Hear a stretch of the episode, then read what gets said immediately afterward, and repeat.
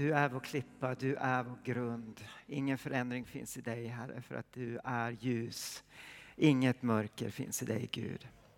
Vi tackar dig för att vi får stå på dig som är klippan Herre. Att vi får komma till dig Gud och du tar alltid emot oss. Jag tackar dig för att det alltid finns en öppen himmel för oss att komma till. Herre, vi tackar dig för den här kvällen. Vi tackar dig Gud för varje person som finns här eller som sitter hemma och lyssnar. Jag ber, du känner varje hjärta, du känner varje situation. Jag ber dig Gud att du ska komma, att du ska tala. Att du Herre sänder ditt ord Herre och då smälter det som är fruset Herre. Jag tackar dig Gud för din nåd, för din kraft, för din styrka Herre. I Jesu namn. Amen. Vad roligt att se er.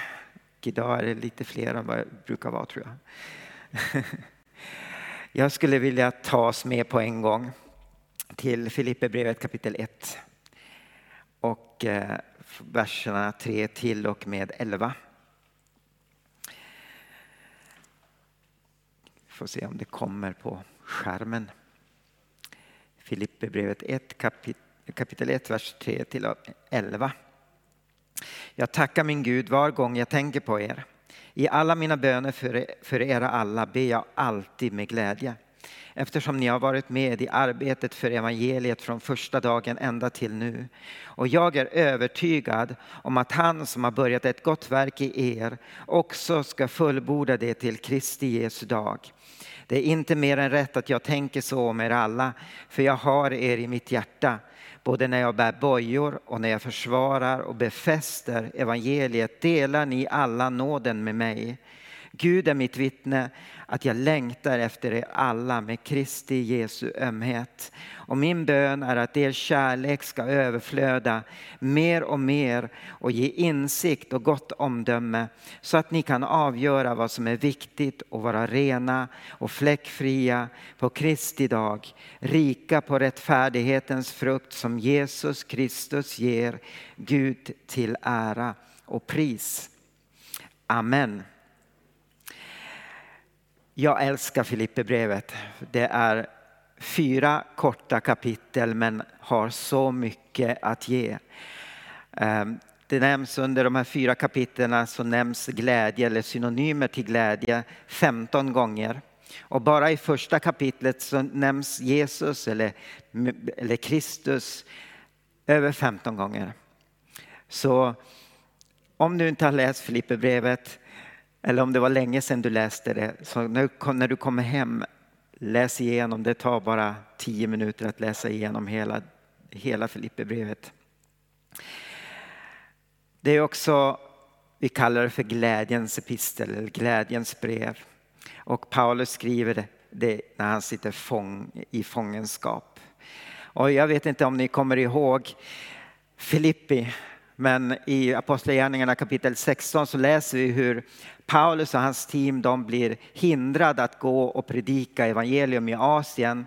Och sen på natten så får Paulus se den makedonska mannen som säger till honom kom och hjälp oss. Och då förstår de att de ska gå dit. Och de kommer till Filippi och eh, det står att på sabbaten så går de längs flodbädden och de går till en plats där de tror ska vara ett böneställe. Och de kommer dit och där så möter vi Lydia och eh, Lydia får höra Guds ord och eh, hon bjuder hem dem och hon med hela sin familj kommer till tro. Sen så läser vi hur Paulus han befriar en ung flicka från en ond ande och han, kast, han och Silas kastas i fängelse. På natten så sjunger de lovsång och Gud sänder en jordbävning och den eh, fångvaktaren han kommer och han håller på att döda sig själv. Och, men Paulus säger stopp, gör inget ont, vi är alla här. Och den här fångvaktaren säger, fråga Paulus, vad ska jag göra för att bli frälst? Och Paulus säger att tro och hela din familj ska bli frälst. Och sen bjuder den fångvaktaren hem Silas och Paulus och hela familjen kommer till tro. Det startas en församling. Och här när Paulus sitter i fångenskap så skriver han brevet till Filippi. Och eh, jag skulle vilja ikväll tala, betona vers 6 där det står att jag är övertygad om att han som har börjat ett gott verk i er också ska fullborda det till Kristi Jesu dag. Gud har påbörjat någonting gott i var och en av oss som har börjat vår vandring med Jesus. Han, han fann oss där vi var. Vi var i mörker. Det står att han har tagit oss från mörker till ljus. Han har tagit oss från död till liv. Han har gjort oss till en ny skapelse. Någonting nytt har kommit. Allt det gamla är förgånget. Tänk att jag vet inte var du var när Gud fann dig. Men du har adopterats in i Guds familj. Och du och jag är idag hans söner och döttrar. Och det är så mycket gott som har påbörjats i oss när vi började vår vandring med Jesus. Men hela tiden, vi är ju på en vandring här och eh, det är en underbar vandring. Och eh, ibland förstår vi inte allting som vi möter och ibland så är det jobbigt det vi möter och ibland går vi igenom saker i våra liv och vi förstår inte alls varför det sker. Men när vi tittar tillbaka på, på livet efter ett tag så ser vi att mitt i allt detta så var Gud ändå med och, och han, han gjorde någonting i oss. Och eh, jag vet inte hur det är med dig. Men ibland så när jag ser på mig själv så ser jag hur svag jag är. Och eh, jag ser inte alls om jag har vuxit i min tro eller vuxit i min vandring. Men då måste vi komma ihåg att Gud är en god Gud. Han har en plan för ditt liv, för mitt liv. Han har en plan som han redan i moderlivet så kallade han oss. Redan i moderlivet så visste han vem du var. Han kallade dig vid namn. Och han formar dig och mig precis som han vill. I Bibeln så kan vi se att Gud tar en liknelse att vi är som lerskärl i hans hand. Och han formar oss precis som han vill. Vi hittar också i Johannes 15 om att vi är som grenar som han rensar, som han fixar till. Han beskär oss, han rensar oss för att vi ska bära frukt. Han bygger upp oss för att vi ska kunna bli den som han vill att vi ska vara. Men många gånger och jag har tänkt många gånger att jag inte alls ser någon förändring. Utan ibland så ser det ut som om man har gått tillbaka istället för att ha gått framåt.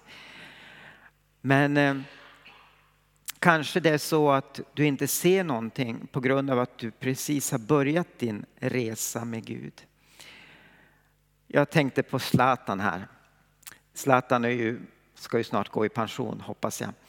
Men eh, han började ju inte på en gång i svenska landslaget eller kom på en gång till Milan utan han började att spela på sin bakgård med sina kompisar i Rosengård. Och sen växte han. Och eh, ofta så är det svårt för dig och mig att se den förändring som Gud gör i oss eftersom den ofta sker så sakta och gradvis, nästan så att det inte märks. Men vi ska veta att om vi vandrar med Jesus så har vi ett löfte att vi förvandlas och blir mer och mer lik honom. I Lukas kapitel 15, vers 8 och 9 så berättar Jesus en liknelse och den förklarar Guds kärlek för dig och mig. Det står så här, om en kvinna har tio silvermynt och tappar bort ett av dem tänder hon då inte ett ljus och sopar huset och söker noga tills hon hittar det. Och när hon har hittat det samlar hon sina väninnor och grannkvinnor och säger gläd er med mig, jag fann myntet som jag förlorade. Gud gjorde allt för att söka upp dig. Han samlade ihop det största sökpartiet som någonsin har bildats för att hitta dig. Han sände sin son, han sände sin ande för att söka efter dig. Han fick någon att be för dig. Hur många, hur många av oss har inte haft en mamma som har bett? Kanske någon sökte upp dig där du låg hemma i din ensamhet. Jag tror jag berättar det här redan, men jag tycker det är så vackert. En av våra partner i ett land i Centralasien la upp en, ett, sitt vittnesbörd på Youtube och eh, så får hon ett meddelande från en kvinna i ett annat centralasiatiskt land som frågar henne kan du kontakta mig, kan du ringa mig? Och eh, hon ringer till henne och eh, den här kvinnan säger att tror du att Gud tar mig tillbaka? Hon hade varit en kristen, hon hade gått i församlingen men saker hade hänt i, sitt, i hennes liv och hon hade gått tillbaka till islam. Hon hade börjat gå till moskén och be namaz. Men saker blev bara värre. Och hon visste inte vad hon skulle göra. Men så såg hon den här videon där Gud sökte henne. Och eh, hon frågade, tror du att den allsmäktige guden vill ta tillbaka mig? Och eh, hon fick säga, självklart att han tar tillbaka dig. Och där på telefonen så fick hon leda henne tillbaka till Gud. Gud söker dig. Du kanske inte, jag vet inte du som tittar på det här, om du har funnit Jesus än. Men han söker dig. Han vill att du ska komma hem. Du vet inte hur djupt och hur noggrant och hur kostsamt Guds sökande var.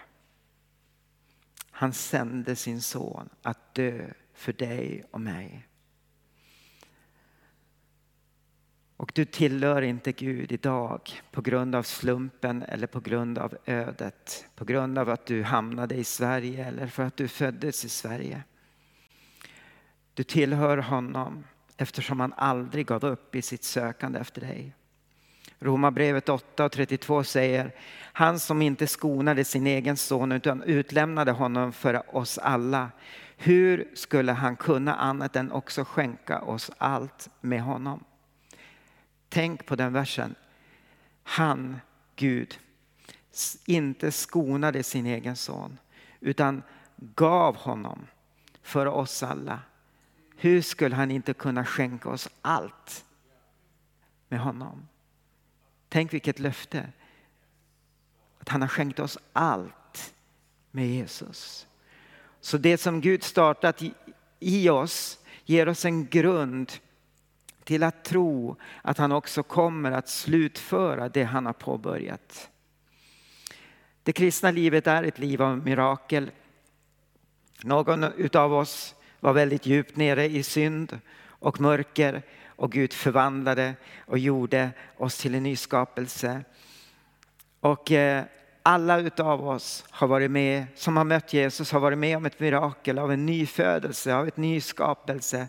Och, eh, men hur kan vi vara säkra på att Gud kommer att slutföra det han påbörjat? Jag tror att det, allt är möjligt för Gud. Där vi tror att det är för sent för dig och mig, där kan han göra ett mirakel. Där vi tror att vi har gått för långt, där kan han lyfta oss upp. Men också på grund av att Gud är trofast. Om han har lovat så kommer han också att göra det. Adoniram Judson, han kallas för Burmas apostel. Han, han kom till Burma, började predika evangelium och eh, det tog sju år innan han såg den första burmesen som kom till tro. Jag tror att jag skulle ha gett upp om jag var Adoniram. Men han gav inte upp. Och eh, innan, när det hade gått tre, de första tre åren som han var, det var någon som frågade honom efter tre år vilka bevis han hade för att han skulle få se framgång i sitt arbete. Och då svarade Judson så här att så många som det finns en Gud som kommer att uppfylla alla sina löften. Alltså han visste att om Gud hade kallat honom så visste han också att han skulle uppfylla de löften som han hade gett. Och efter den här första personen som kom till tro efter sju år så kom tusentals burmeser till tro.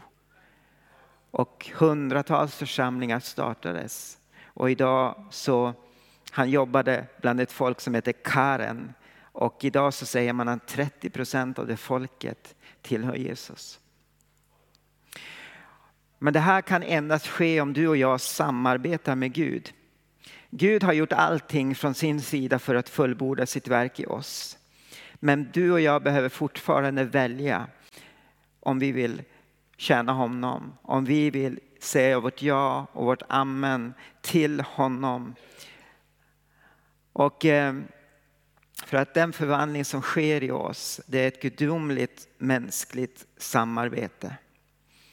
Låt oss inte vara de kristna som säger efter tio år att eller efter tio år att vi ser likadana ut som vi, som vi gjorde då.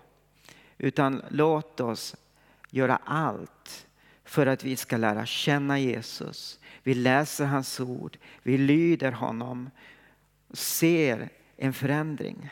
Låt oss vandra med Jesus och låt oss förvandlas till att bli lika honom.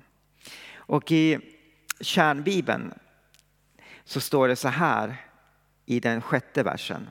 Och jag är övertygad om just detta, att han som har börjat inlett ett gott verk, arbete i, inom, bland, hos er, också ska, kommer att fullborda, slutföra det framtidens modes, Messias, Kristi Jesu dag, då han kommer tillbaka. Du och jag borde förvänta oss att vi kommer att förändras. Paulus säger här att in till Kristi Jesu dag så kommer vi att förvandlas. Och det är ju Jesu andra tillkommelse. Och du och jag skulle ha en förväntan av att vi förvandlas. Vi, kommer, att vi, vi ska ha en förväntan av hopp. Tänk ett gift par från det ögonblick de vet att de väntar barn så de vet att de, hustrun har ett barn som växer inom sig. Så varje ögonblick de lever så lever de i en förväntan på att snart kommer det här barnet. De kan inte ta ett steg eller tänka en tanke utan att koppla den till sitt framtida barn. Och allting de gör planerar de för, med tanke på det barnet. Och precis som det här paret relaterar allt till hoppet om att barn är på väg så bör också du och jag se på vår framtid med samma växande hopp. En förväntan att vi kommer att bli lika Herren Jesus. Och jag vill ta ett till exempel från Adoniram Judson. Adoniram Judsons hustru berättade för honom att en tidningsartikel jämförde honom med någon av apostlarna. Och då svarade Judson, jag vill inte vara som Paulus. Jag vill inte vara som någon annan man. Jag vill bli som Kristus. Jag vill bara följa honom, kopiera hans läror, dricka av hans ande och sätta mina fötter i hans fotspår och att bli mer lik Kristus. Låt detta vara din och min bön ikväll. När Gud ser på dig så ser han inte ett misslyckande. Men oftast ser du och jag, när vi tittar på oss själva, så ser vi hur ofta vi missar, hur ofta vi gör fel. Vi är för ofta poäng och eh, vi värderar alltid vårt misslyckande eller framgång. Men när Gud ser på dig så ser han inte ett misslyckande. Han ser genom nådens ögon. Han tittar inte på ditt rapportkort, hur många poäng du har fått. Han kollar inte på din lönecheck eller din sociala kreditpoäng. Han kollar på ditt hjärta. Var och en av oss kommer att misslyckas. Och, eh, men vi får inte ge upp. Precis som Adoniram Judson, vi får inte ge upp. Utan vi har en vandring att gå på. Och om inte Jesus kommer tillbaka innan vi, vår vandring är slut så ska vi gå ändå och lita på att vi förvandlas. Vi blir mer lik honom. Vi följer honom där han vill att vi ska, dit han vill att vi ska gå, vad han vill att vi ska göra. Vårt ansvar är att fortsätta att växa, att söka förlåtelse då vi misslyckas, då vi syndar och att komma ihåg att Gud inte ser ett misslyckande när han ser på dig och mig. Han kommer att fullkomna oss till Kristi dag. I Mose, på första Moseboken 7, kapitel 7, vers 1 så står det så här. Gud säger till Noa, gå in i arken med hela din familj. Dig har jag nämligen funnit rättfärdig inför mig i detta släkte. Det fanns ett ögonblick när Noa var utanför arken och ett annat när han var inne i arken. Genom att vara inne i arken blev han räddad. Om han, så länge han var utanför, om han hade stannat utanför arken så skulle han också ha dött i den här flod, flodvågen. Men han var inne i arken. Låt oss också hålla oss inne i arken i Jesus Kristus. Låt oss hålla oss till honom, vandra med honom, älska honom, försöka bli lik honom i allt det vi gör. Självklart vi missar ibland, självklart att vi gör fel ibland. Men han har lovat att vi kommer att fullbordas. Vi kommer, han kommer att fullkomna oss. Han, vi kommer att bli lik honom. Herre, vi tackar dig för att du är trofast. Tackar dig Herre för att det verk som du har påbörjat i oss, det kommer du också att fullborda intill Kristi Jesu dag. Herre, jag tackar dig för dem som ännu inte har kommit in i arken. Ännu, för dem som ännu inte har sagt sitt ja till dig Jesus. Herre, du söker dem ikväll. Jag ber dig Herre att du ska när du knapp, klappar på på deras hjärt, hjärtats dörr att de ska öppna Herre. Jag ber dig Jesus. Jag ber dig Herre för var och en utav oss Herre. Herre du ser kanske någon som Herre inte har vandrat så nära dig den sista tiden. Jag ber dig Gud att du ska dra dem nära dig igen. Jag ber dig Gud att du förvandlar oss, att du gör oss mer lik dig Herre. Så att vi får återspegla dig genom vårt liv, genom det liv som vi lever här och nu Gud. Jag tackar dig Herre för var och en utav oss. Herre vi ber dig Gud att när människor ser på oss så ska de se dig Herre. Vi vill inte vara lik Paulus eller någon annan människa här på jorden utan vi vill vara lik dig Jesus. Jag ber dig Herre om den nåden Herre. I Jesu namn. Amen.